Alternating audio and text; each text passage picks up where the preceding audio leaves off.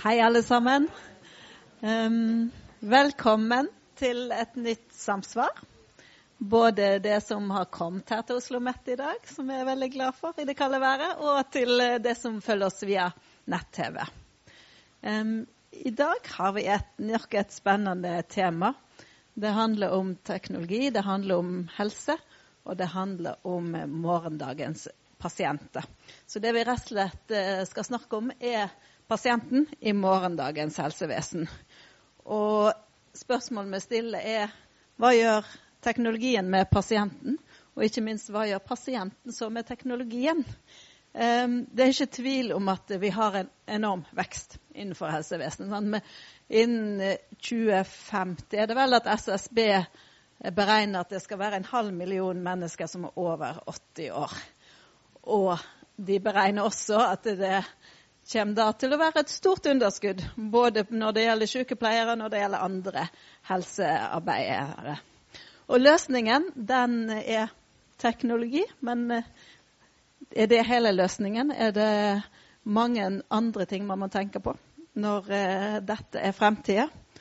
Um, og har politikerne de rammene som er, som er tilrettelagt for dette her? De øker statsbudsjettet hvert år. Det er den største posten på helse eh, på statsbudsjettet. Men har de likevel tatt inn over seg alle de endringene som kommer. Så dette skal vi snakke litt om. Hvordan vi tar imot endringene i helsevesenet, og hvordan vi tilpasser oss til det. Og første mann ut er Bjørn Hoffmann. Eh, innledningen hans er hvordan jeg har det? Ja, et øyeblikk, så skal jeg bare sjekke appen. Um, kjenner dere dere igjen i dette? Bjørn Hoffmann er altså professor ved NTNU Gjøvik og Senter for medisinsk etikk ved UiO. Og han er en ganske så utradisjonell fagbakgrunn, for han er både sivilingeniør for NTNU, og så har han altså en doktorgrad i medisinsk filosofi. Og det er nettopp i dette grensesnittet da, mellom medisin og teknologi at eh, Bjørn Hoffmann sine forskningsinteresser er. Og det er det han skal snakke om i dag, og hvordan teknologi former vår opplevelse av å være syk. Så jeg tenker jeg gir ordet til deg, Bjørn Hoffmann. Så gleder vi oss til å høre deg. Tusen takk. Eh, det er veldig hyggelig å bli invitert. Eh, jeg kan neppe ha vært særlig tilregnelig i tilsagnsøyeblikket. Eh, fordi vi forskere vi egner oss over overstadig dårlig som profeter. Vi skuer stort sett bakover, og her skal vi se litt framover. Så nå er jeg på områder hvor jeg egentlig ikke har noen eh, kompetanse. Men det vi ofte gjør, er å forsøke å ekstrapolere hvordan har det gått, og så ser vi inn i framtida. Og det tar feil i 99,9% av tilfellene. Så sannsynligvis er alt det jeg sier, feil. Men jeg håper likevel at vi kan få en god eh, diskusjon rundt dette. Teknologien eh, var løsningen, men hva var problemet? Det er ofte det vi står eh, overfor. Altså. Ehm, så eh, jeg bare går rett på de spørsmålene jeg har fått. Ja. Hva gjør pasienten med teknologien? Jo, teknologien blir brukt av pasienten.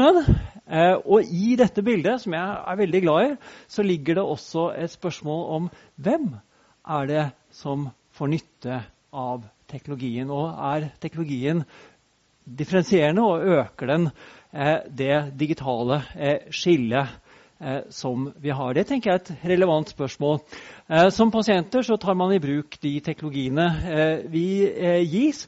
noen ganger er de utformet av sånne som meg, dvs. Si ingeniører, og da er de ikke alltid helt hensiktsmessige. Og hva gjør pasientene da? Jo, pasientene finner alltid gode løsninger på dette.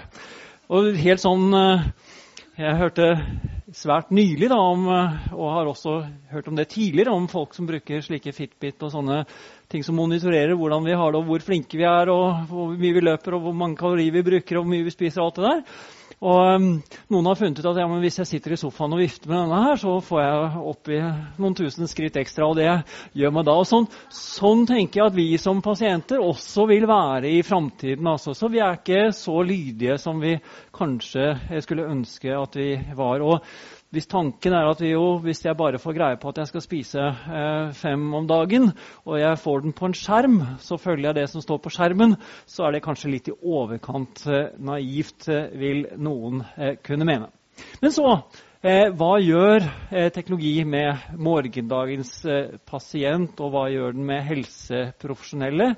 Eh, jeg tror den eh, definerer sykdom. Det kan vi lett se at det gjør den allerede i dag. Eh, alle de tingene, alle det, alt det vi kan måle, det blir automatisk gjort om til sykdom. Vi definerer forstadier til sykdom og blir mer og mer opptatt av disse forstadiene. Både i helseprofesjonene, men også hos oss selv. Ja, men jeg hadde polypper, jeg hadde forstadier til ditt og datt. Og, og, vi blir mer og mer bekymret for dette. Og risikofaktorene blir mer og mer noe vi er opptatt av, og som vi følger med på. Ganske naturlig, fordi klarer vi å eliminere risikofaktorer, så klarer vi å eliminere sykdom òg. Eh, men det er noen bivirkninger ved det som vi da også må ta eh, hånd om. Eh, I tillegg så er teknologien med på å definere vår opplevelse av sykdom. Vi stoler ikke lenger på oss selv. Jeg skal gi dere noen eksempler på dette. Men teknologien kan fortelle oss hvordan vi virkelig har det. Det er det andre poenget mitt. Og det tredje poenget er at eh, samfunnsmessig så blir vi helse- og sykdomsfokusert gjennom at vi får så mye informasjon om vår egen helse og sykdom gjennom eh, teknologien. Eh, og som dere vet, det fins ikke friske mennesker. Det fins bare mennesker som ikke er godt nok undersøkt. Så hvis du kommer her og hevder at du er fisk, så, er bare, så har jeg en undersøkelse for deg, og som vil gi deg eh, svar på at det er du nok egentlig ikke. I virkeligheten så er du nemlig eh, meget syk, og det fins en behandling eh, for deg.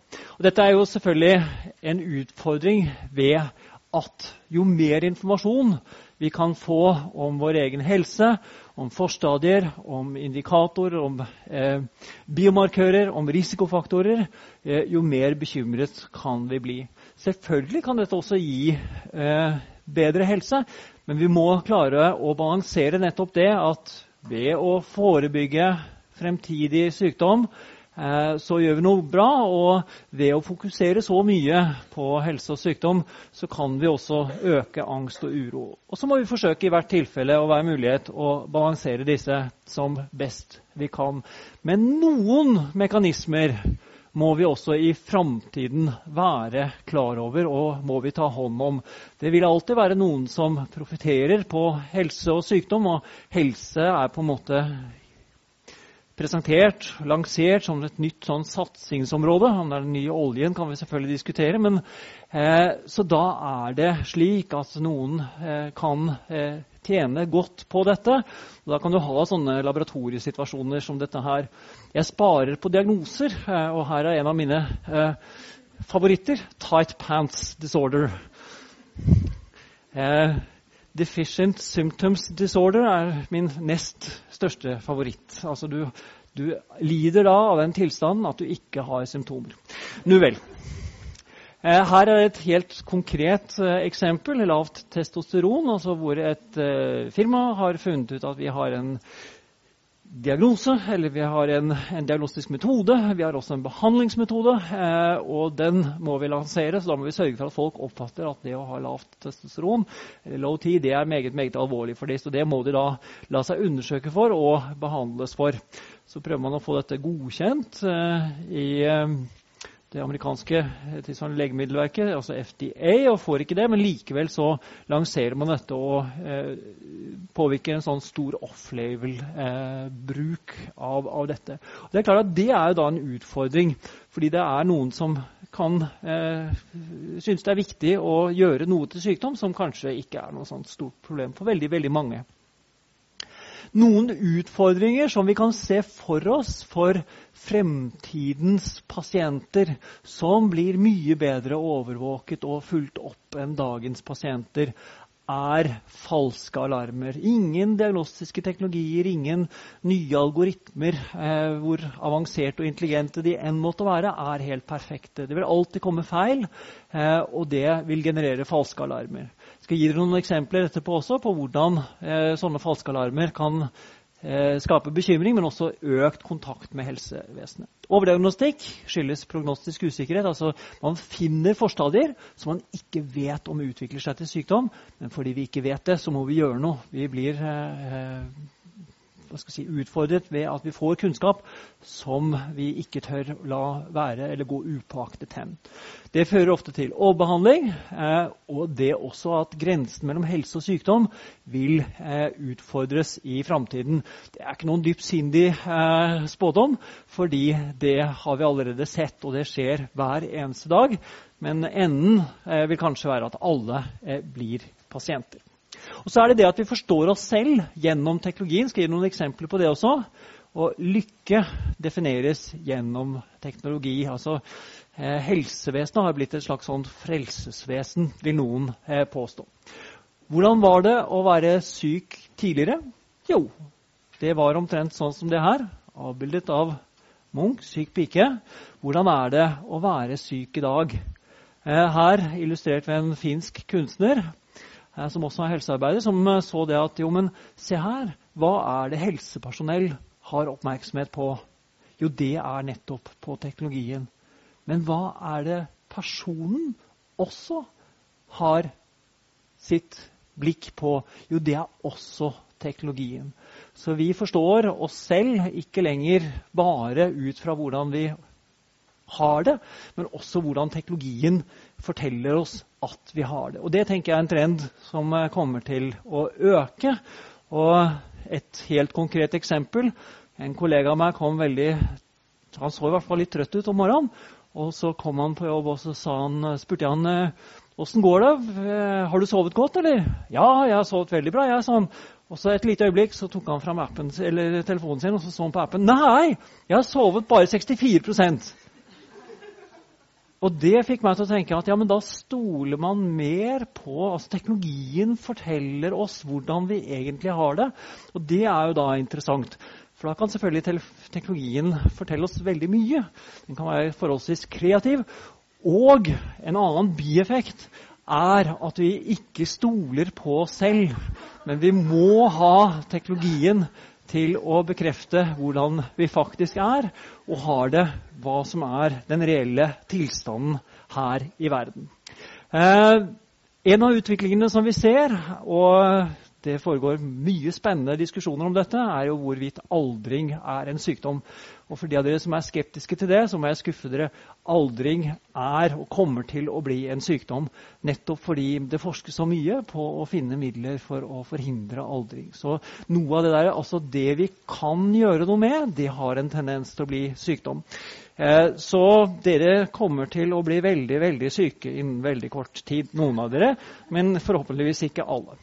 Eh, en annen trend som vi ser, er jo at eh, vi blir tilbudt mye mer på helsemarkedet. Og vi kan gå til såkalte diagnoseautomater og få alle typer analyser. Vi ser det fra selvtester, altså sånne genetiske tester nå, som da også genererer aktivitet mot helsevesenet, fordi vi får svar som vi ikke helt vet hva betyr, og som vi trenger noen til å forklare for oss.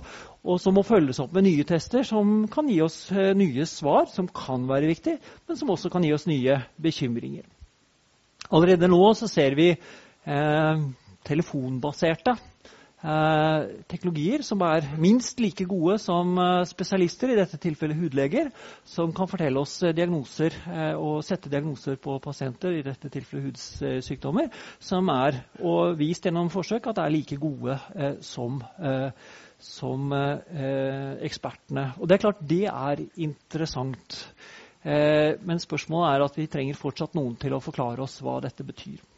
Et annet aspekt og en annen trend som vi ser altså Vi vet allerede eh, at, eh, og flere har vist, at det er et hierarki. altså Diagnoser og sykdommer har ulik prestisje blant helseprofesjonene og sannsynligvis også i befolkningen generelt. Og det kan gi en differensiering med tanke på hvem det er som får mest oppmerksomhet, og hvem det er som får mindre oppmerksomhet.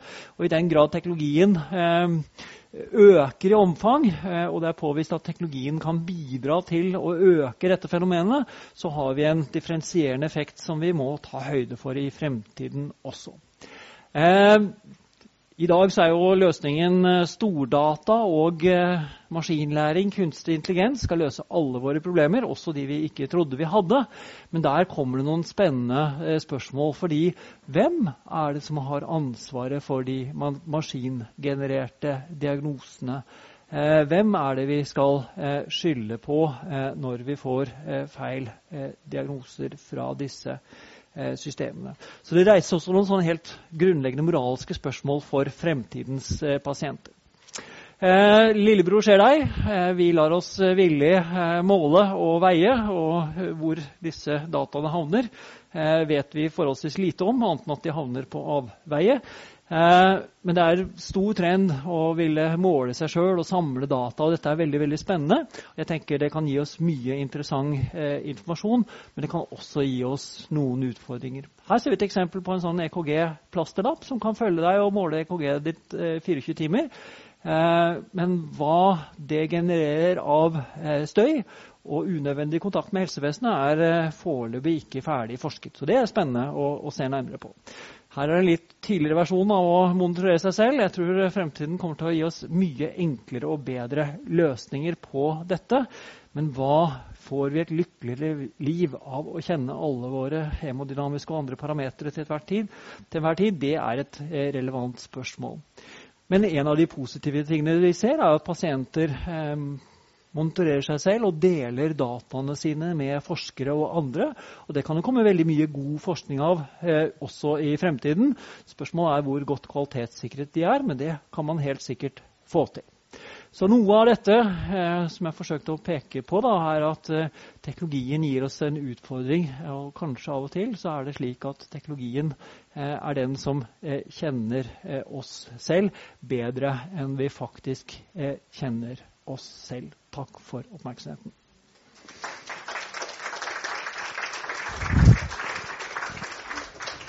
Takk skal du ha, Bjørn Hoffmar, for en veldig interessant, litt urovekkende eh, introduksjon til temaet. Det er ikke tvil om at det er veldig mye som skjer nå, og vi har ikke svar på halvparten av spørsmålene som teknologi er retta. Det blir spennende å diskutere videre. Så nå har vi altså hørt litt om den digitale pasienten og alt vi finner på. Eh, men hva med, så, med helsevesenet? Er de klare til å møte denne utviklingen?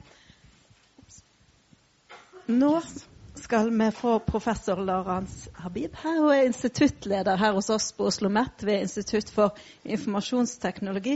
Og hun har også ansvar for det emnet som heter Technology and Society, som skal bakes inn i alle helseutdanningene våre. Så Larans er veldig tett på dette, og er veldig tett på det som har med utdanningene å gjøre også. Så da sier jeg bare vær så god til deg, Larans. Takk skal du ha.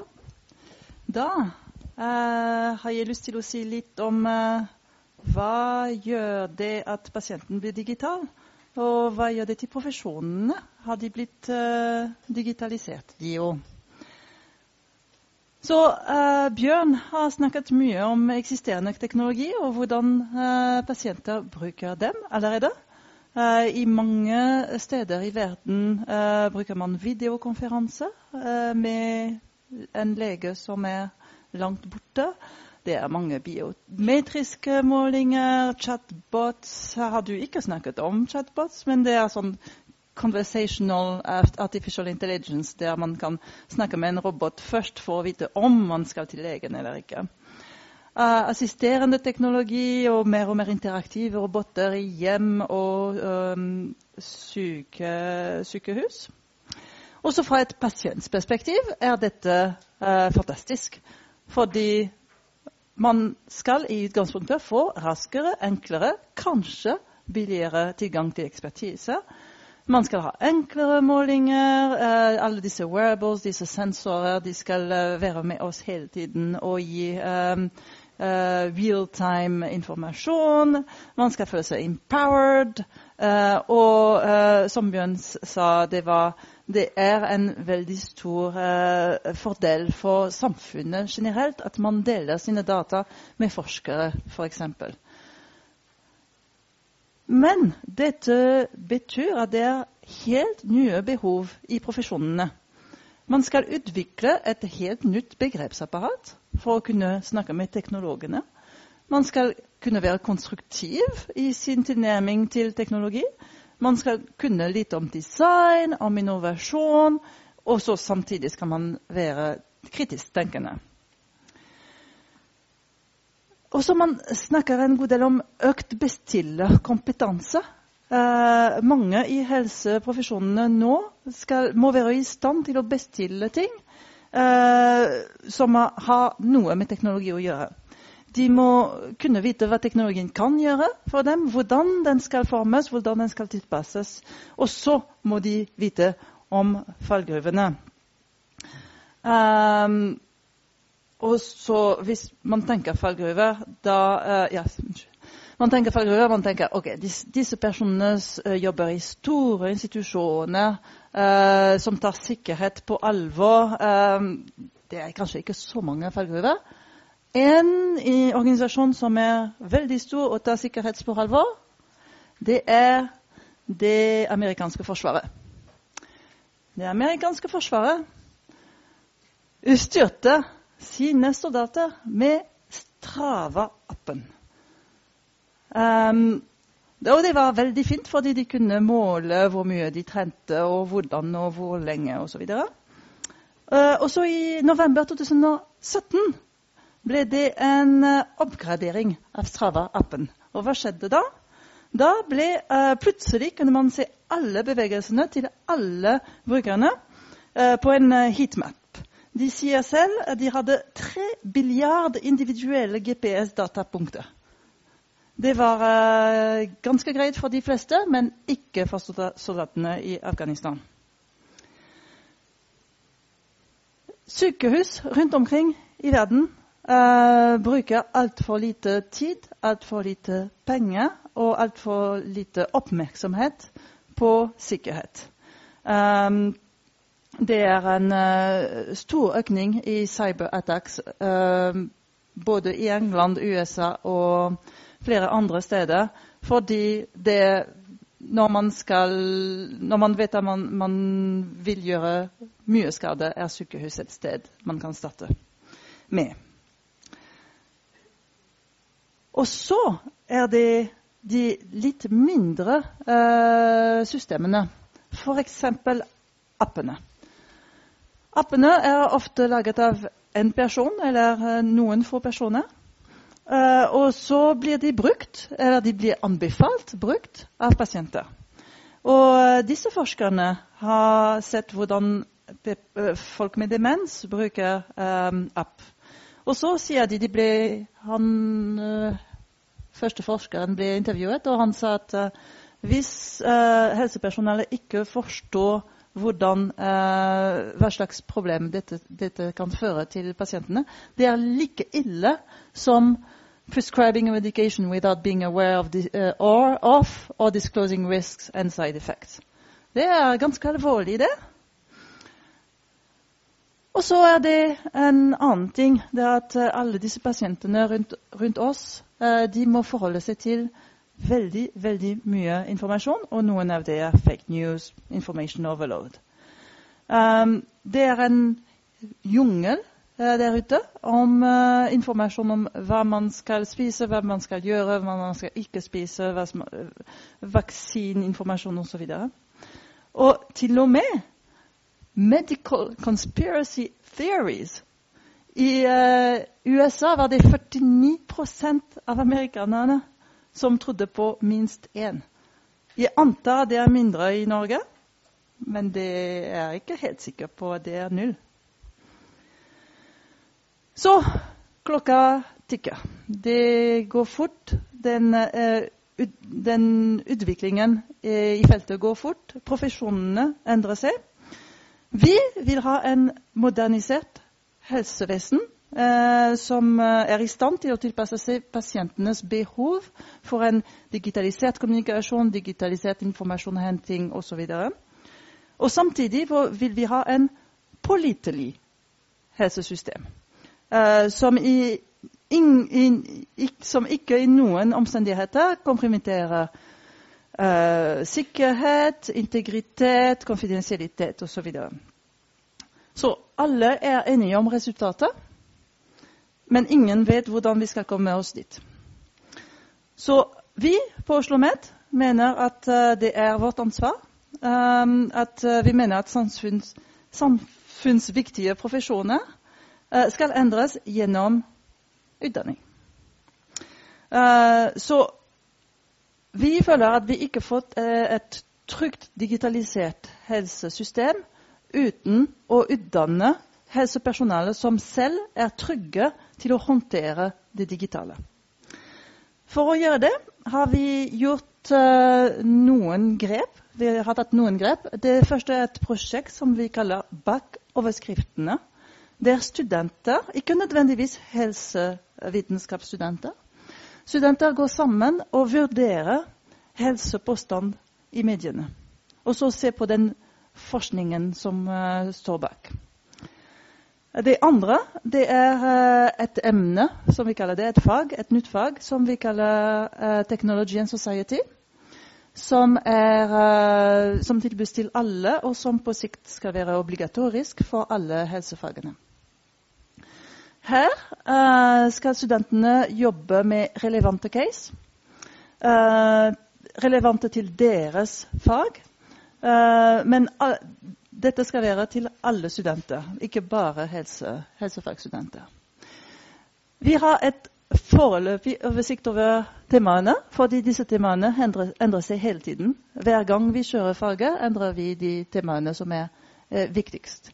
Så her ser vi hvordan eh, studentene skal tilegne seg kunnskap. Eh, og de skal tilegne seg et begrepsapparat for å kunne kommunisere rundt disse uh, områdene. Vi har, vi har, åtte akkurat nå. Yes. Um, og så skal de jobbe i team. De skal gå inn i sine profesjoner, ta eksempler fra sine profesjoner og diskutere det med andre. Det er tverrfaglige team. og så skrive, reflektere om det. Så veien er lang. Men vi starter. Det var det.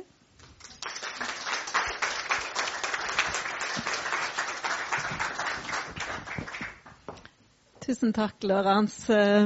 Det er utrolig spennende å se den, det nye emnet som det har i gang. Og det er jo helt spot on i forhold til nettopp mange av disse utfordringene det begge har pekt på til nå. Nå skal vi få nytt innlegg. Nå er det professor i sosiologi ved Oslo OsloMet, Marit Halder, som skal snakke om den lønnsomme pasienten. Prioriteringskriteriet i helsevesenet de siste 30 årene.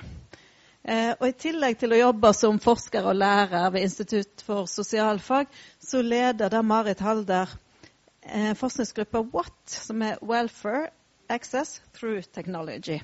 Og hun er opptatt av ideologier og hvordan idealet om det gode liv eh, vil da forme hva vi oppfatter som avvik.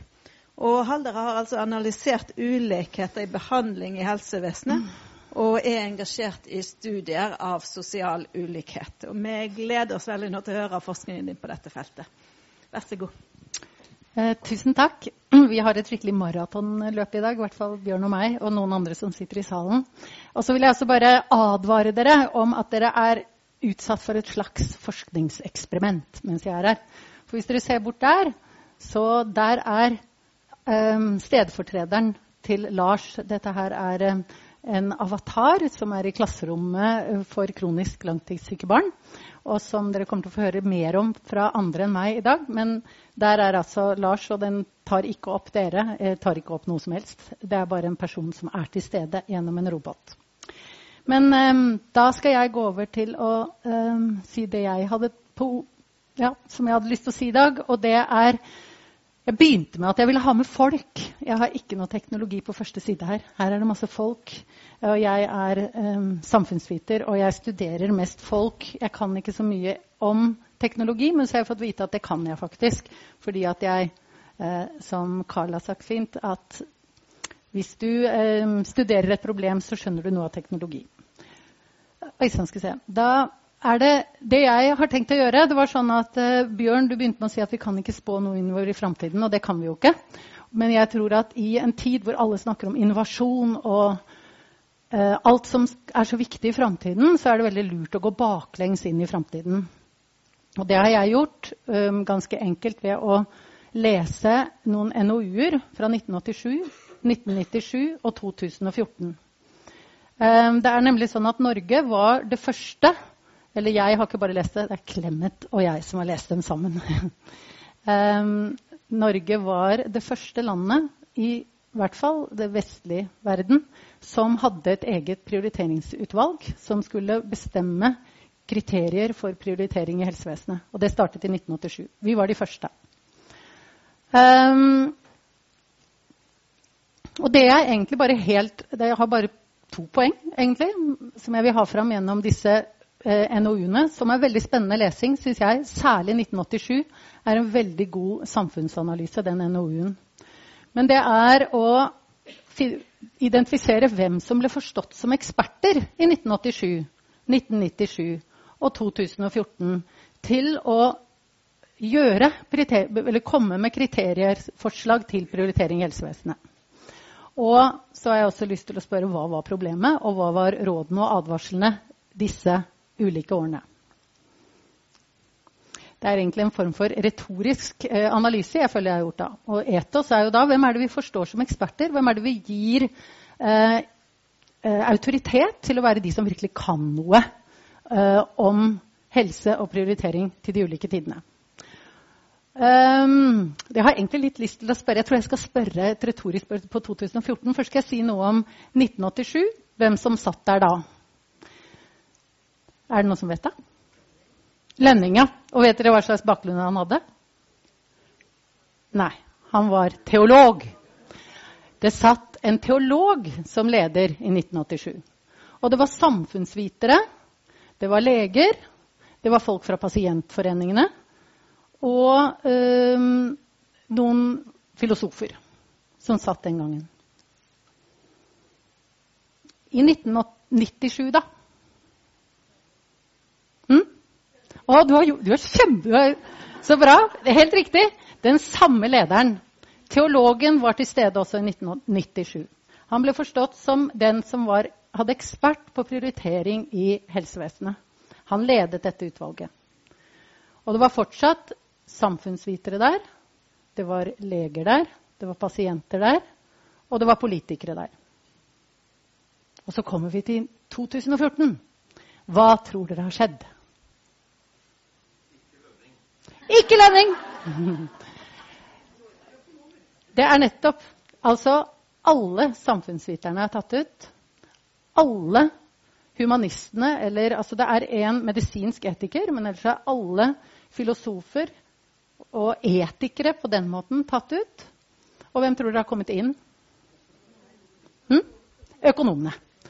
Det, med det egentlig så syns jeg det aller mest rare ved dette er egentlig ikke at økonomene var kommet inn i 2014, men at de ikke var til stede før. Altså Folk hadde ikke tenkt på at man måtte ha økonomer til stede for å tenke på prioritering i helsevesenet. Men i 2014 så kom man på at det måtte man. Og I tillegg så var det en gruppe til, en profesjonsgruppe til. Hvem tror dere? Nei.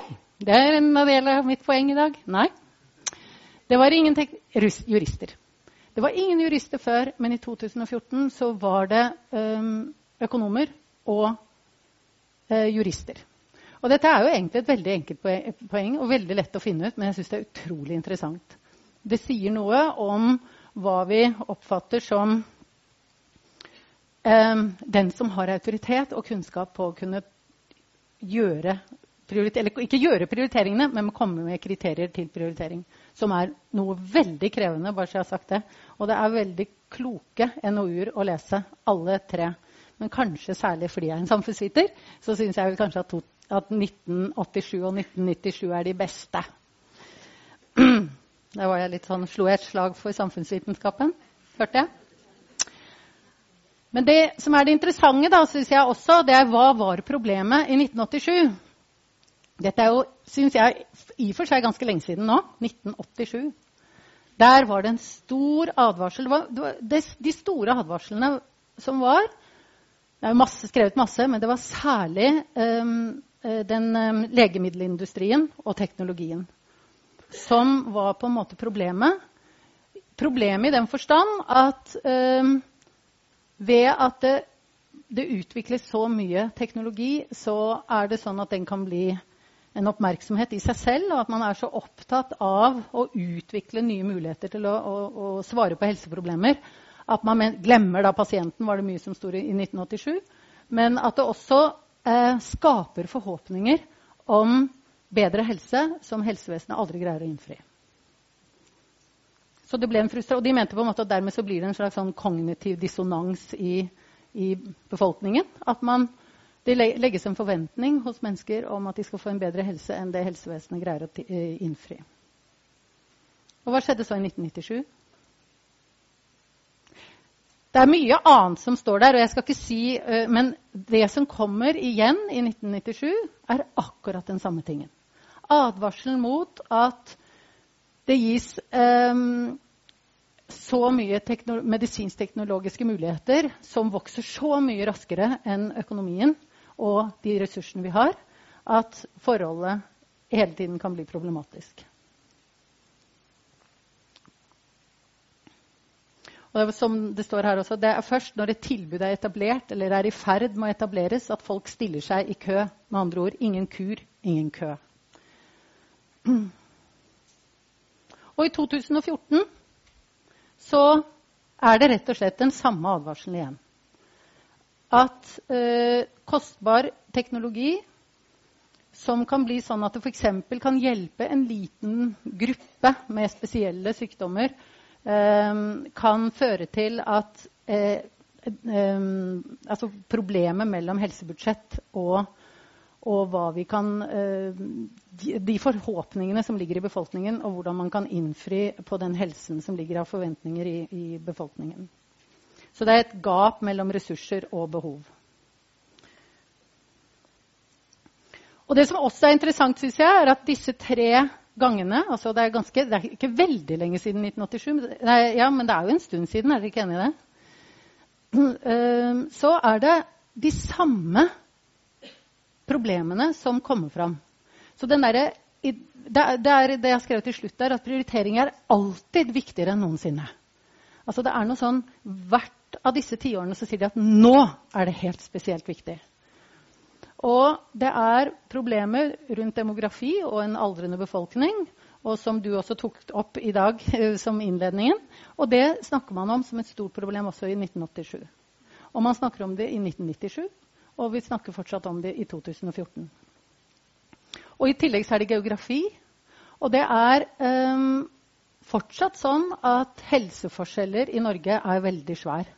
Og det er særlig da det ble skrevet om Finnmark, at i Finnmark stiller ikke folk seg i kø til spesialisthelsetjeneste, fordi man stiller seg jo ikke i kø til et tilbud som ikke fins. Så den forskjellen mellom hvor, hvordan, hvor tilbudene er i, i, landet, er også fremmet alle årene når det gjelder geografi. Og så er det teknologi, legemiddelindustri og helseforventninger som er problematiseringen.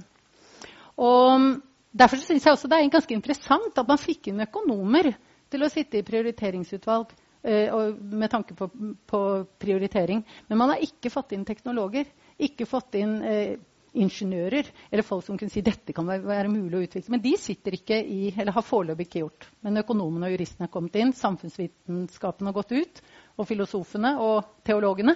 Mens det har aldri vært sånn at legemiddelindustrien eller de teknologiske kompetente har vært i, i, eh, i disse utvalgene. Men så er da et av eh, poengene også dette med omsorg og psykisk helse.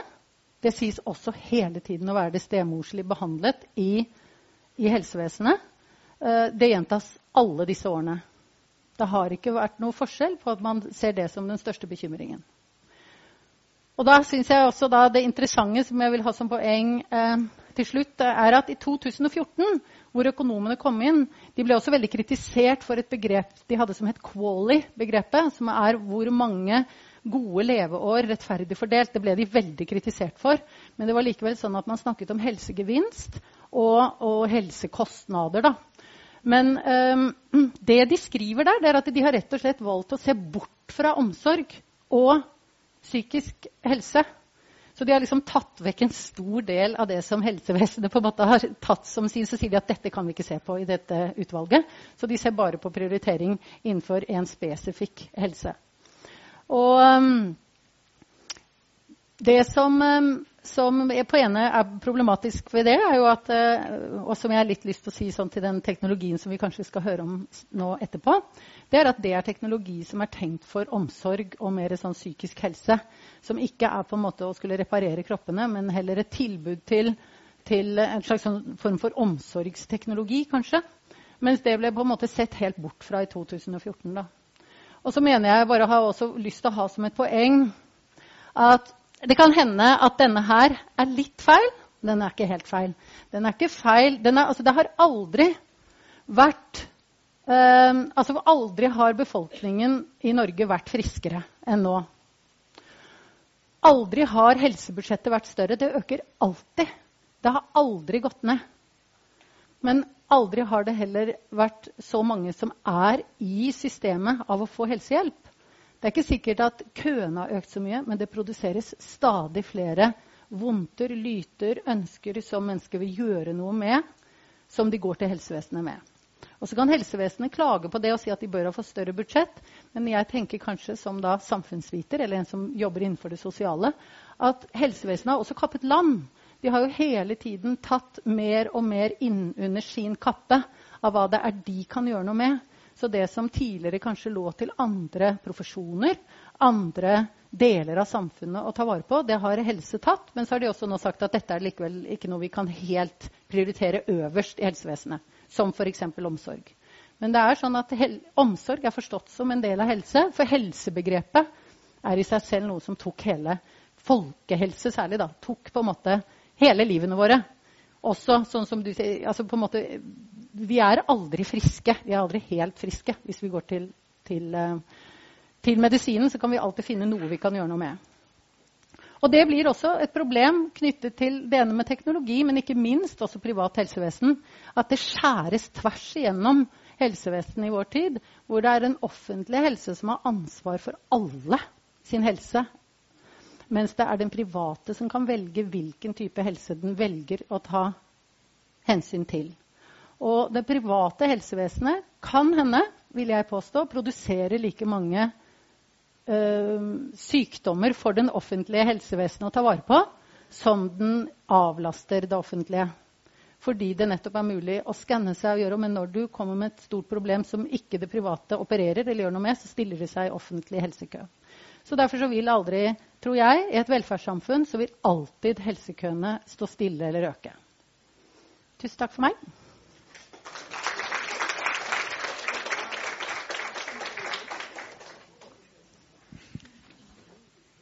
Takk skal du ha, Marit Halder. Det er et veldig spennende perspektiv. Og det trekker opp eh, også bakover, og hvordan det faktisk nå påvirker der vi er i dag.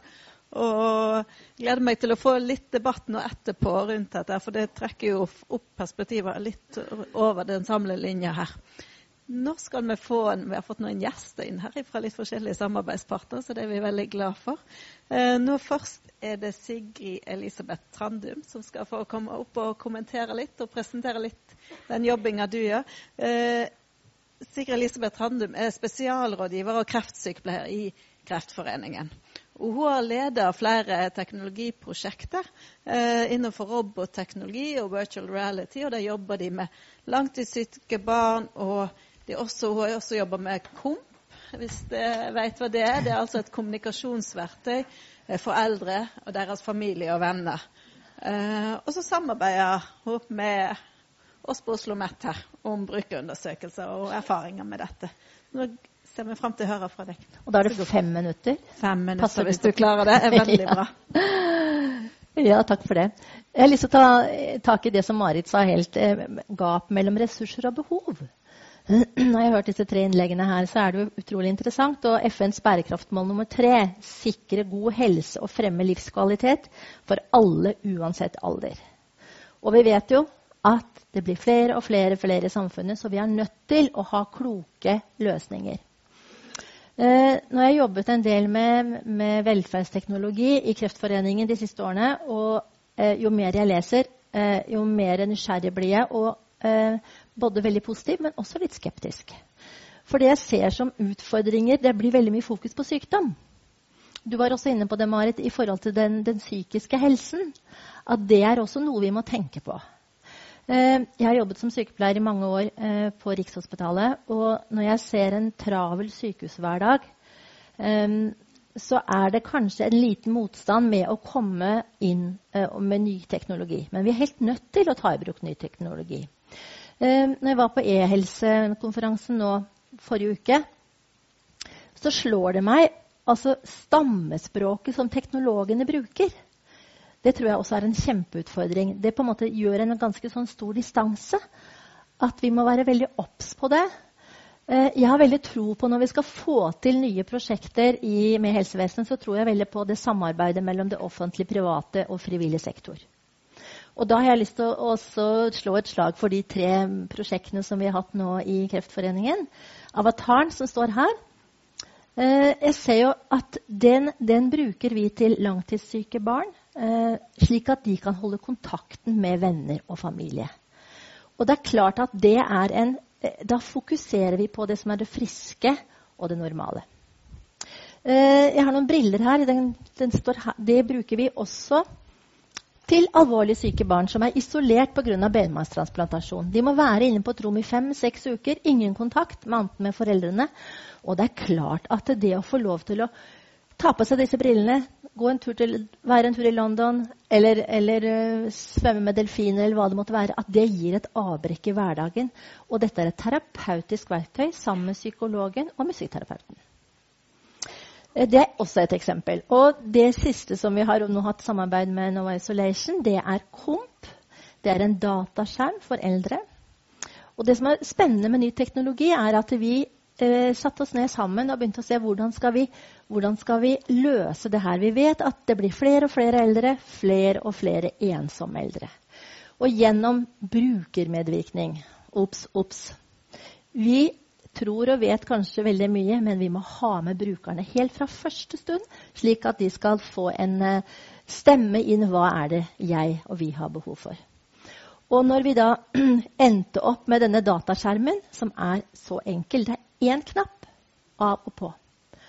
Eh, og det er klart at den eh, Vi fikk en nydelig mail fra en, en dame langt oppe i Nord-Norge nå som sa hun hadde aldri vært på så fin ferie noen gang. For da hadde da hennes barnebarn og til og med oldebarn sett bilder fra den reisen de hadde vært på. Og det er klart at det, Da får jo ikke denne damen så mye fokus på sin kreftsykdom og sin ensomhet. Så jeg vil slå et slag ut ifra det, det, som jeg sier noe om nå, er at uh, vi må fokusere på alt det friske og normale. Og så må vi også ha fokus på uh, eldre brukere. Vi snakker, Det er altså 400 jeg leste i dag 400 000 som ikke har nettilgang. Det er en gruppe vi ikke må glemme. Men at vi trenger en ny teknologi, det er jeg helt overbevist om. Da var det fem minutter.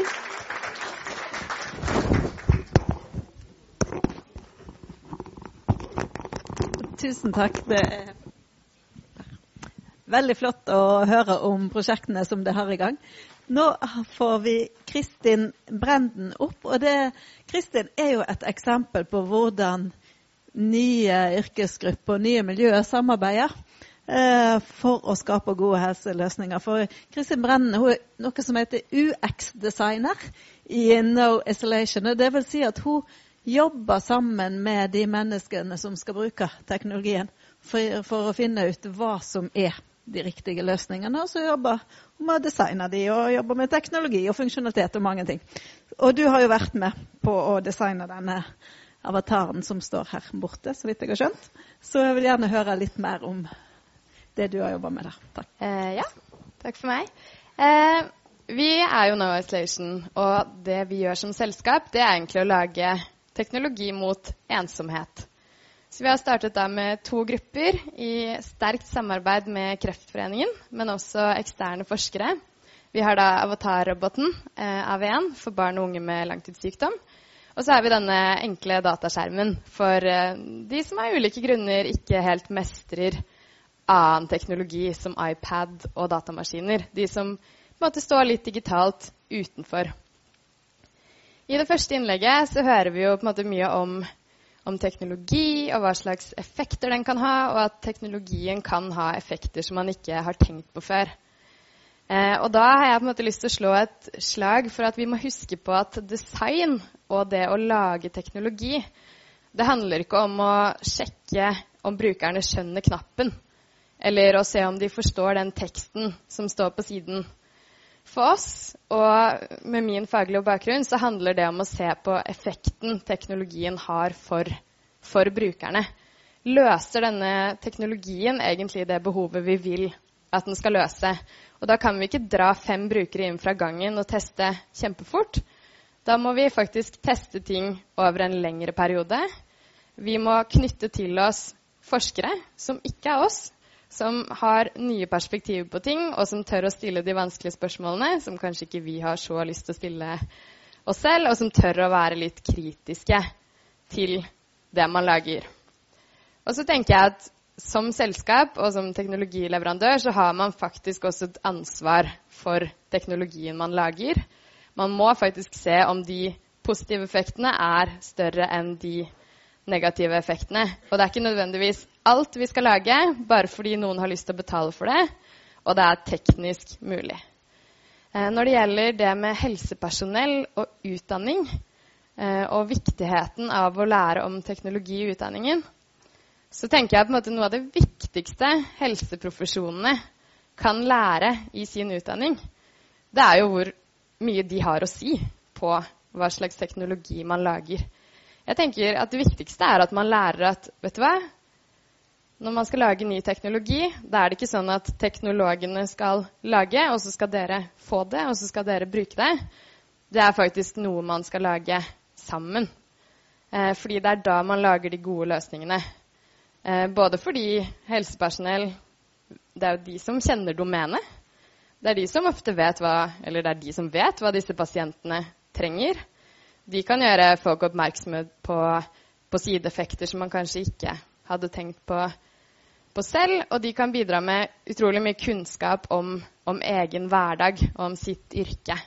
Bl.a. når vi skulle lage denne skjermen for at eldre skulle holde mer kontakt med familien sin, eh, også bl.a. eldre som bor på, på, sykehjem, så var det ekstremt viktig for oss at noen kom og sa at husk at de som jobber på sykehjem, har i utgangspunktet ganske mye å gjøre. Hvis dere nå lager noe som gjør at disse pasientene er helt avhengige av å få hjelp til å sette det opp, hjelp til å skru på, hjelp til å ringe opp familien sin, da det kommer til å påvirke i så stor grad eh, hvor vellykket dette blir. Eh, og det tenker jeg er viktig å ta med inn i utdanningen. da. At man liksom blir flinke til å faktisk si fra om hvilke ressurser og muligheter man selv har til å hjelpe til og til å være med på det her. Eh, når det gjelder prioriteringer i helsevesenet og det Marit snakket om, om sist, så er jo det på en måte noe vi kjenner mye på som selskap som jobber med, med ensomhetsproblematikk.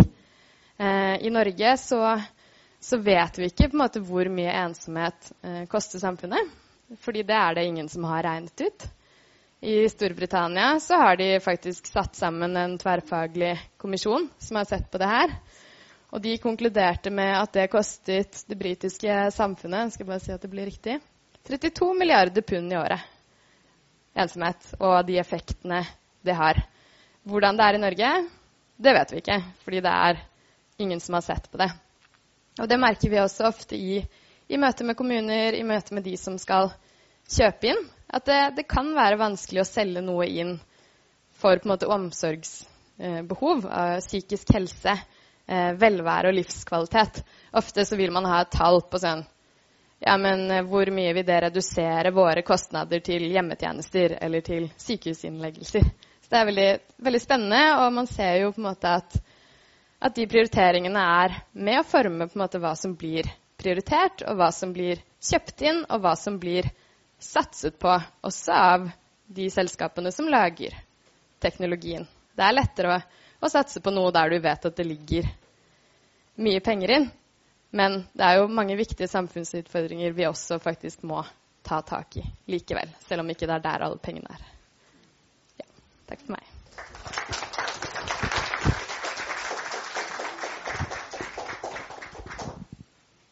Tusen takk, Kristen Brennen. Eh, nå skal vi få siste kommentar fra Reidun Norvoll. Eh, Reidun Norvoll forsker på innovasjon. Hun forsker på medisinsk sosiologi, psykisk helse, tvangsbruk og brukermedvirkning. Og sikkert mange flere ting. Eh, hun jobber ved Arbeidsforskningsinstituttet her ved Oslo MET. Og vil da ha det siste kommentarinnlegget her før vi åpner for litt spørsmål og debatt. Vær så god. Ja, bare få på mikrofonen, skal jeg um, Ja, egentlig så skal jeg um, Jeg forsker på alle disse tingene, men jeg forsker på mye annet òg. og det jeg tenkte jeg skulle egentlig vise til nå, var eh, kanskje heller peke på noen dilemmaer vi ser nå fra flere prosjekter som jeg er involvert i når det gjelder eldre. Og noe handler om eh, eldremedvirkning, altså hvor de er med selv, og noe er også hvor vi utvikler velferdsteknologi eh, sammen med eldre. Eh, og, og, det er mer, kanskje mer refleksjoner til det vi har snakket om i dag, som jeg har gjort meg. Og jeg har ikke noe svar på dette, men eh, det er på en måte noen dilemmaer da, inn i den diskursen vi står overfor i dag. Uh, og, det ene er sånn som Bjørn snakket opp, er jo at teknologien former på en måte synet på pasienten. Og det du ser ganske mye ute i de kommunale helsetjenestene nå, er jo på en måte at uh, at denne troen på altså tenkningen om velferdsteknologi, tenkning om hverdagsmestring osv. Dette former veldig liksom, bildet av eldre, tror jeg. Og også hva er det eldre trenger, hva har de behov for? Og også liksom synet på hva er realistiske forventninger som eldre kan ha til tjenestene. F.eks. hvor mye kan egentlig eldre forvente hjelp fra mennesker i forhold til teknologi osv. Så, videre, så hele denne teknologidiskusjonen preger egentlig eh, kommunal styring, eh, hva vi tenker og vi, det bildet vi lager av, av disse eldre. Eh, og og det kanskje jeg liksom, personlig er litt eh, Det er mye bra ved teknologi, og teknologi er så stort begrep. Og det jeg ser kanskje veldig behov for, er at vi utvikler en mye mer kanskje nyansert teknologidebatt. Er mye mer balansert teknologidebatt, og også er mer integrert. Altså at det, liksom, det er behov for å se dette her mye mer Altså Teknologi kan ha potensial for å hjelpe mye, men det er ikke alltid, så vi må ha mye mer spesifikke vurderinger. Og Det som kanskje jeg har vært litt opptatt av, er jo også det at det er en tro på at velferdsteknologi skal redde denne aldringen og bærekraften. Men spørsmålet er jo liksom hvor mye kan velferdsteknologi gjøre det? Altså hvor langt, og hvilke grupper er det som tjener på dette, og de eldre? Uh, og, da skal, og da er det jo, som jeg det kan være at noen heller ikke tjener på det, at vi også må tenke andre typer løsninger. Sosial innovasjon. Vi må tenke liksom, mer integrerte og bredere løsninger også. Og da kommer vi borti prioriteringer veldig fort.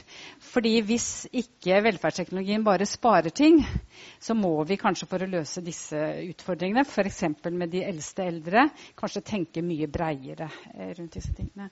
Bare for å gi veldig sånn kort eksempel på, det, på noe av det jeg har vært borti da er Jeg har vært ute i feltarbeid i hjemmetjenestene nå.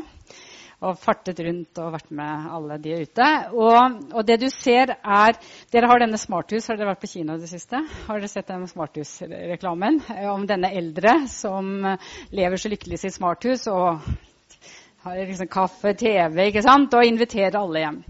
Men det du møter liksom ute i hjemmetjeneste, da, for den gruppa som bekymrer meg litt, er 90-åringene. 90 Eh, kognitiv svikt, demente, eh, som ligger der eh, og for det første ikke er i stand til å betjene sånne ting i det hele tatt. Og mange av de er dypt ensomme. De har mistet nettverk. Og det er det de forteller meg. Jeg er ensom. Eh, og jeg hadde f.eks. en jeg var eh, Og de er ikke i stand til å bruke digitalt i det samme. Og det samme var ved et eldre seniortråkk som hadde vi nå, hvor de eldre sa at de opplever seg diskriminert. Altså at det digitaliserende samfunnet diskriminerer de. Det er mange informasjon de ikke får tilgang til, osv. Men eldre er veldig variert gruppe også. Så poenget er at noen tjener på dette, noen tjener ikke. Og det er det som er min, at det er en kime til sosial ulikhet her så, som vi må se på. Og, og for meg så er det noe med at disse 90-åringene er liksom noen av den gruppa kanskje som virkelig eh, liksom kan tjene dårlig på dette, da, som også ikke har en digital interesse eller kapasitet. Og da er det spørsmål hvordan skal vi på en måte treffe og hjelpe den gruppa på en god måte. Og da kan det hende velferdsteknologi hjelper, men det kan også hende at du må tenke sosial innovasjon mye bredere.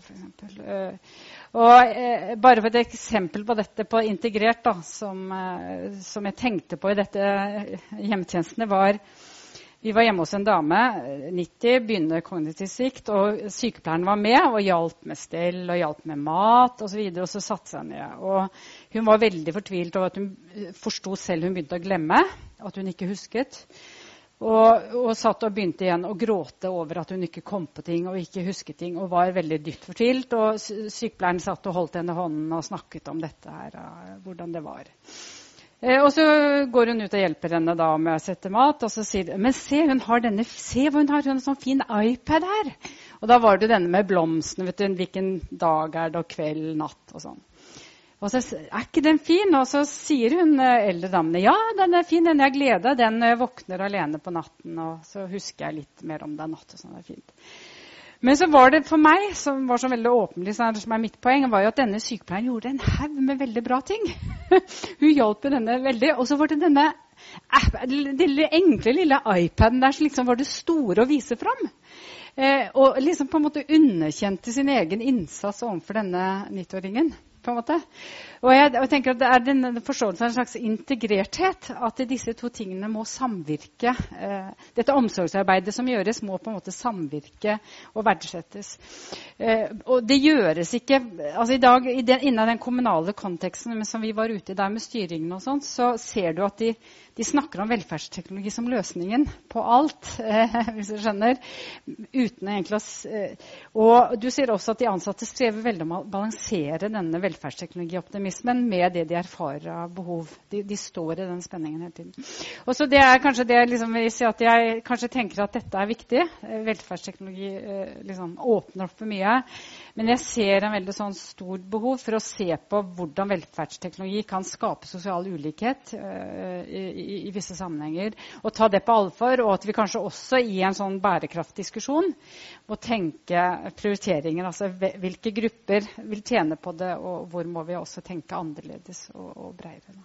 Det, ja. det var litt sånn realisme-diskusjon.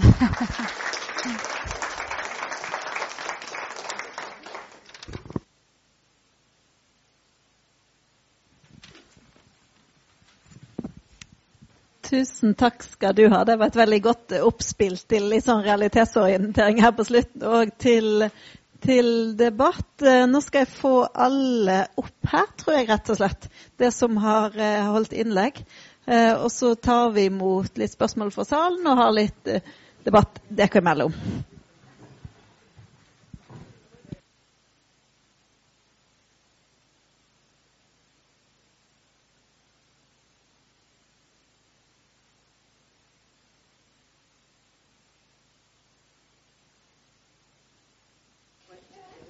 Nei, da er den der.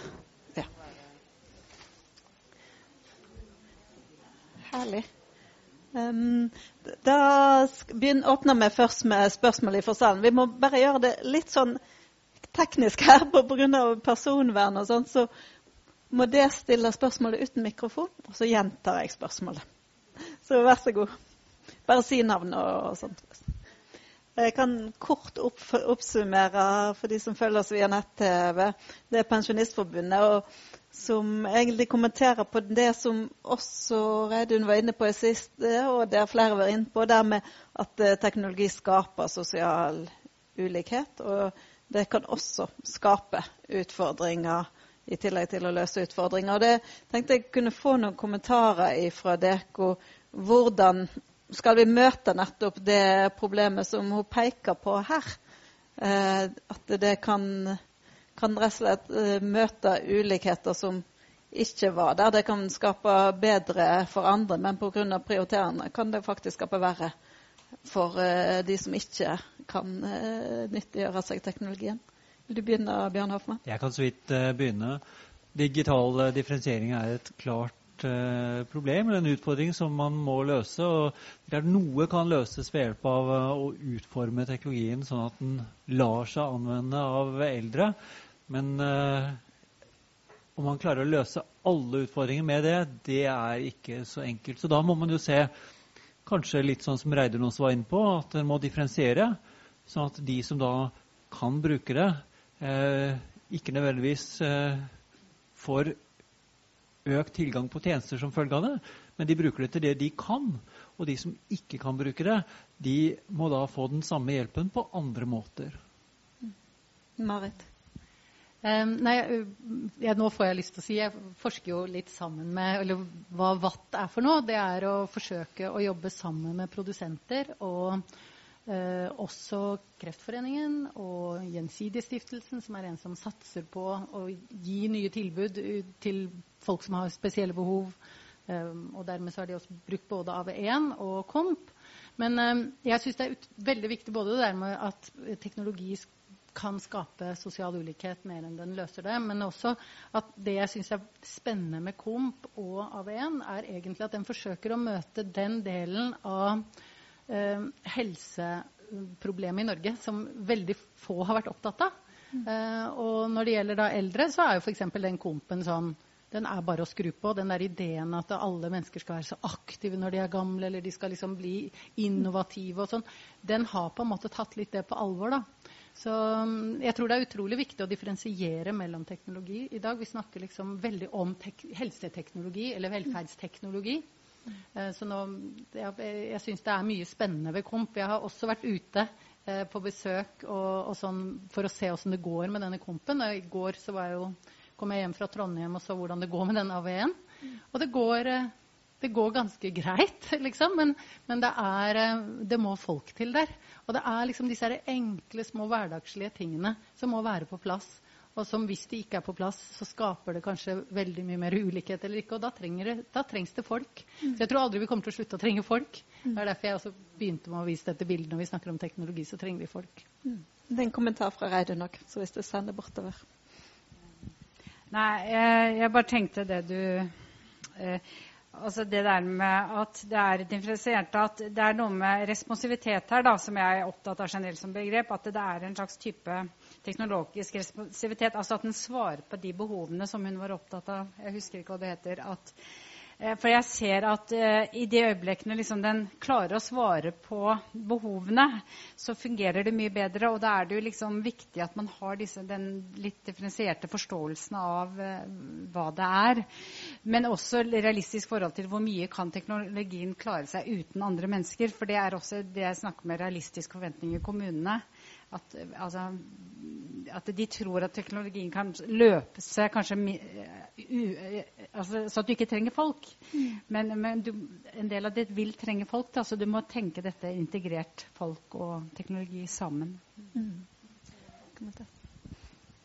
Eh, ja, nå har jo Marit snakket mye om, om vår teknologi. Og vi kommer jo fra en, måte, en bakgrunn der vi faktisk har prøvd å løse noen av de utfordringene som du nevner med at de eldre ikke er så digitale tenker også at teknologi på en måte kan brukes til å flytte ressurser litt. Kanskje hvis mange klarer å hjelpe seg selv med én ting, så kan man heller bruke mer ressurser på de som faktisk trenger hjelp. Da. Altså bare si skatteetaten. Hvis man kan gjøre mye, mye, selv, kanskje de som jobber med kundeveiledning der kan bruke enda mer tid på de som faktisk trenger hjelp. Da. Så jeg tenker at det også er en viktig del på en måte, hvis man klarer å skille på, på hvem som, som, får til å bruke, og hvem som ikke får til å bruke, skal man komme med kanskje noen mottiltak for å hjelpe de andre mer. Da. Mm. Ja, det var kommentar fra Arild Steen rundt at uh, helsevesenet er organisasjoner. Um, med teknologi så får de mer tid til brukerne, men de har mindre kommunikasjon, kommunikasjon mellom hverandre. Det syns jeg var litt interessant, det du påpekte der. At med profesjon utførerne seg imellom påvirker teknologien deres hverdag og deres arbeidsmiljø, rett og slett, og hvordan de eh, rett og slett eh, kommuniserer og jobber sammen. Er det noen som har kommentarer knytta til det? Hvordan jeg skal møte det? Nei, I og for seg ikke, men eh, vi har jo noen prosjekter hvor PDA-er har blitt innført og ikke blitt brukt. De samler støv. Så, så, her tror jeg det er veldig interessant å se hva er det som gjør at det funker der. Og hva er det som gjør at det ikke funker andre steder, og hva kan vi lære av det. Um, jeg har ett til spørsmål fra salen. Så der fikk vi eh, forslag til nytt forskningsprosjekt. Til, og det handler, jeg må bare oppsummere det. Uh, og det handler altså om uh, forholdet mellom uh, NOU-ene og stortingsmeldingene, og at stortingsmeldingene ikke følger opp NOU-ene. Så hva er din kommentar til det, Marit? Um, altså, er veldig spennende å kunne tenke og, og sammenligne mellom det. Men jeg syns jo at altså, noe av poenget med, med de tre NOU-ene, å bare sammenligne dem, så, så, det er veldig mye som er felles.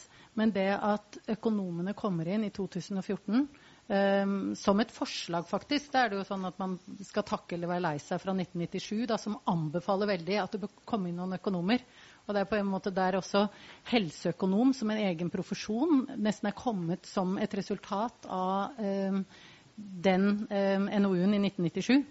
Men det, jeg syns det er interessant at samfunnsviterne gikk ut som eksperter og at økonomer og jurister som ikke var i det hele tatt inne før, kom inn så massivt i 2014.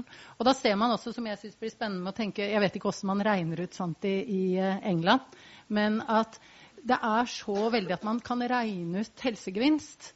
Eh, som blir så tydelig i 2014. Det er et sånt økonomisk språk, og det er veldig sånn gjennomført. Og dermed så tenker jeg at noe av det som hele tiden er problemet innen helse, som er omsorg og sånn, som kanskje prester og sosionomer og andre tok mye mer vare på før, men som er blitt en del av helse, men som likevel de ikke greier å rå med.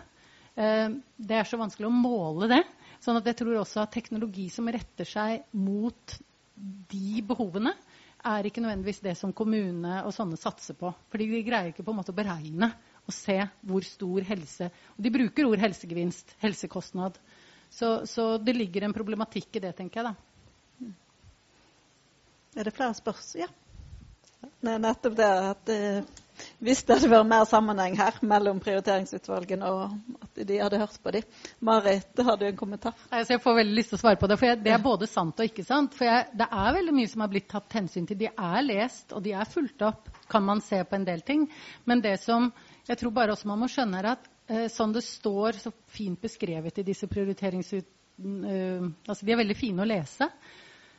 Fordi at helsevesenet må nesten forstås som om det er 1000 tappekraner av ett budsjett. For hver lege gir til Altså prioritering skjer hver dag overfor én pasient. Så at du kan liksom ikke passe på dette helse... Det er, det er, hvis du tenker som en svær tank. Så det å liksom få regjert dette her blir utrolig vanskelig. Og hver eneste gang noen står ansikt til ansikt med en pasient, så kjenner man på ønsket om prioritering. Og, så derfor så tenker jeg at noe av det absurde med helsevesenet er at vi har jo vi, vi har høyere og høyere og høyere, høyere budsjett. Det er det største budsjettet vi har av alle. Og vi øker det hvert år. Og likevel er det aldri nok. Så det er en slags sånn uendelig anomisk det, det, produseres så mye nye helsebehov. Men er, jeg tror ikke man tar av for de som kanskje er mest trengende. Da. Man tar av for de som det som liksom sies òg, de som roper høyest, eller at det er der hvor køene er, hvor, hvor prioriteringen også skjer. Og Derfor så tror jeg det er sånn som, at man må se på også hva det er politikerne sier, eller hvordan, for hvem som også begynner å produsere hva slags type teknologi. Mm. Fordi at de, de, produserer jo den teknologien som politikerne eller andre etterspør. Mm. Og så blir det kanskje en form for hva du kalte det high-tech. altså det, det, liksom det hypa teknologien blir populær. Mm. Liksom laserkniven. Mm. som kan mens eh, litt sånn si, usexy teknologi for de som ikke er så prioritert, de blir kanskje heller ikke prioritert. Mm. Jeg, jeg, tenker det blir uh, High-tech blir uh, prioritert overfor high touch. Og det er kanskje en utfordring.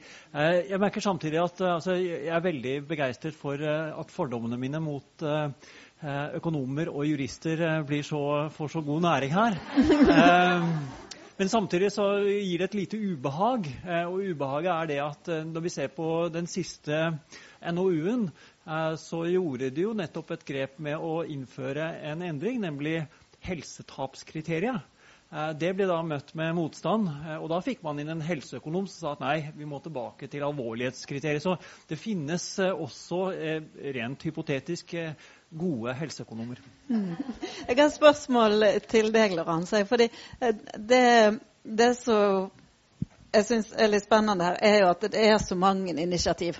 Det er så mange initiativ fra mange. sant?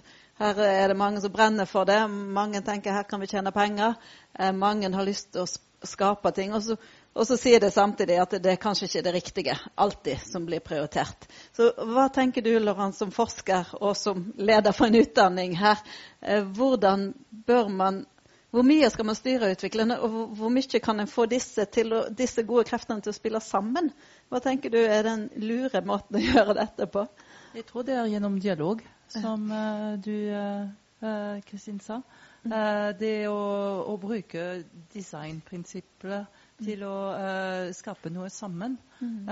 fordi når brukeren, eller den som kjenner brukeren, uh, snakker med teknologen, og teknologen virkelig hører på dem, det er da man klarer å lage de, de, viktige produktene, de riktige produktene, og, og, styre unna de produktene man ikke trenger. Mm. Men så hvis en skal prioritere, da, hvis kreftpasienten sitter der, og så sitter den eldre på sykehjem der, da, og begge trenger noe, hvordan, hvordan får vi til disse store prioriteringene? Da tror jeg ikke det skjer på teknolog teknolognivå. Det må skje på høyere nivå, på politisk mm. nivå. Eller, um, mm. yeah. Er det noen andre som har noen kommentarer? Reidun? Nei, eh, jeg har ikke noe svar på akkurat det. Men det, det, som slår meg, som jeg ikke sa det siste poenget mitt når jeg har vært uh, ute i dette feltet her nå, er jo på en måte denne litt sånn inkonsistente politikken på området hvor, uh, hvor man sier man skal Man gjør jo dette bare for de eldres beste. Ikke for å spare penger, og neste øyeblikk så sier de at de skal spare penger. For det, når de får da kritikk av eldreråd, f.eks. dette gjør det bare for å spare folk mm. Nei da. Og da, og, og, og, da er det ofte motsvar at eldre ennå ikke har skjønt poenget, eller dette vil endre seg neste generasjon, at dette er bare Istedenfor liksom å ta de motforestillingene til eldre sånn skikkelig på alvor. Og, og, det minner meg litt om Jeg jobber mye i psykiatrien også. At når en ting er på moten, apropos å være litt sånn hype mm. Og Ian Hacken beskriver det ganske perfekt at da er ikke profesjonelle styrere mottagelige for motargumenter. Da mm. er det liksom alltid de andre som ikke har forstått. Mm. Men etter hvert når liksom moten Når det liksom begynner å gå nedover, da begynner man å være i stand til å ta imot mm. mer sånn nyanserte uh, motargumenter. Og jeg mm. føler liksom at ja, noe av det vi kanskje kan, er viktig nå, er å lytte litt mm. ordentlig til ansatte, til eh, Eh, til brukerne osv. At de på en måte ikke bare ikke har forstått poenget, men mm. liksom at det kan være ting her å ta imot da, mm. for å få til en mer realistisk og balansert politikk framover på dette mm. Jeg har lyst til å utfordre deg og eh, Sigrid Elisabeth før du skal få komme. med. Fordi jeg tenkte, Det representerer jo ei brukergruppe. Kan det se at det faktisk kan samarbeide med flere her om den samme teknologien? At den kan være nyttig ja. for flere grupper? Ja, det er helt klart. At, og det har vi jo gjort eh, også. Og vi pleier å si at alt det vi setter i gang av forskjellige typer prosjekter, eh, det er jo veldig overførbart. Vi snakker mm. om alvorlig syke mennesker. Mm. Så kreft det er én sykdom. Men, mm. Eh, og de aller fleste som får kreft i dag, de har jo flere sykdommer. Mm. Så, så, det er ikke noe utfordrende. Det ser på det som en, eh, som en helt riktig ting. Ja. Mm. Mm. Hva skal til for at det skal skje i større grad? Nei, um, eksempel, Et eksempel er at vi snakker om barn som er pårørende mm. som har mistet en mor eller far. At vi mm. setter i gang tilbud til de. Eh, og da vil andre eh, pasientgrupper også bli eh, invitert til å være med i eh. Men når det gjelder KOMP, som da det samarbeidsprosjektet vi har med Oslo OsloMet, så er det klart at vi ser jo at vi får jo nå henvendelser fra flere som ikke har kreft. Mm. Og det er klart at nå er vi så heldige at KOMP kan kjøpes, men det er jo, det er jo en kostnad. Mm.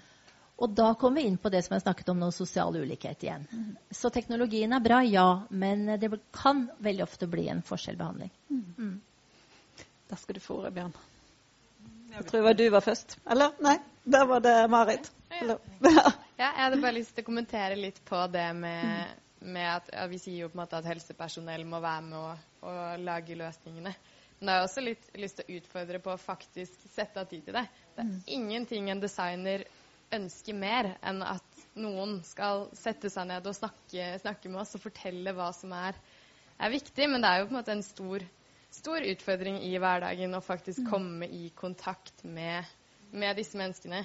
Eh, vi har på en måte hatt stort hell med å, med å snakke med pasientinteresseorganisasjoner, fått mye hjelp der. Vi har også vært utrolig heldige fordi eh, vi har fått mye hjelp av liksom, å snakke med, med sykehjem og og sånne ting. Men det er, en, det er, jo en, utfordring. Det er jo noe som krever ressurser av, av de som er der ute. Man har gjerne mye, mye å gjøre. Så det er på en måte å finne den balansen og se at ok, kanskje man må på en måte investere litt tid nå for eventuelt spare litt tid senere på å få en bedre løsning. Mm. Flott. Er det flere spørsmål? Ja.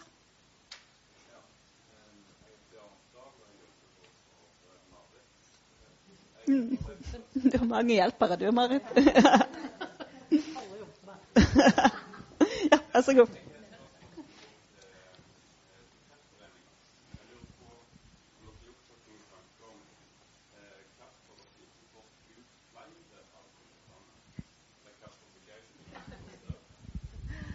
Det er et godt spørsmål. Eh, jeg tror at jeg tok over det prosjektet nå i, i, etter sommerferien. Og det, det, jeg ser, er at uh, målgruppen for KOMP det er eldre som har kreft eller har hatt kreft, eller nå har vi utvidet til pårørende. Men for at vi skal få kompen ut, så tenker jeg at målgruppen vi må nå for å få kompen ut, det er barnebarna til de eldre. Rett og slett fordi at den eldre ser kanskje ikke eh, hva skal jeg si for noe, uh, at behovet er så stort. Eh, men markedsføring er utrolig stort, en stor utfordring. Og vi i Kreftforeningen vi har også veldig mange ting vi vil ut med.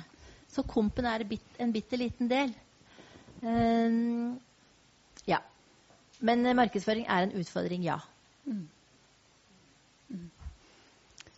Et siste spørsmål før vi avslutter. Takk. Det var veldig kjekt å få en rett og slett en invitasjon ut i praksisfeltet, som vi kaller det, her på Oslo OsloMet. De som jobber med våre tjenester og våre, tar ut forskningen og disse tjenester som vi jobber med i praksis. Så veldig flott. Og takk skal det ha. Det skal få en liten liten til adventskalenderen her. Som takk for eh, veldig flotte innlegg. Tusen takk skal dere ha så vil vi takke dere alle for at dere kom i dag. Og takk til dere som fulgte med på nett-TV. Vi har et nytt samsvar igjen om det var ca. 14 dager. Da handler det om barn i lavinntektsfamilier. Da kommer også barneminister Linda Hofstad Helleland på besøk til oss, og det gleder vi oss til. Så det, det er velkommen tilbake 13.12. Ikke sant? Ja. Så takk skal dere ha for at dere fulgte oss i dag.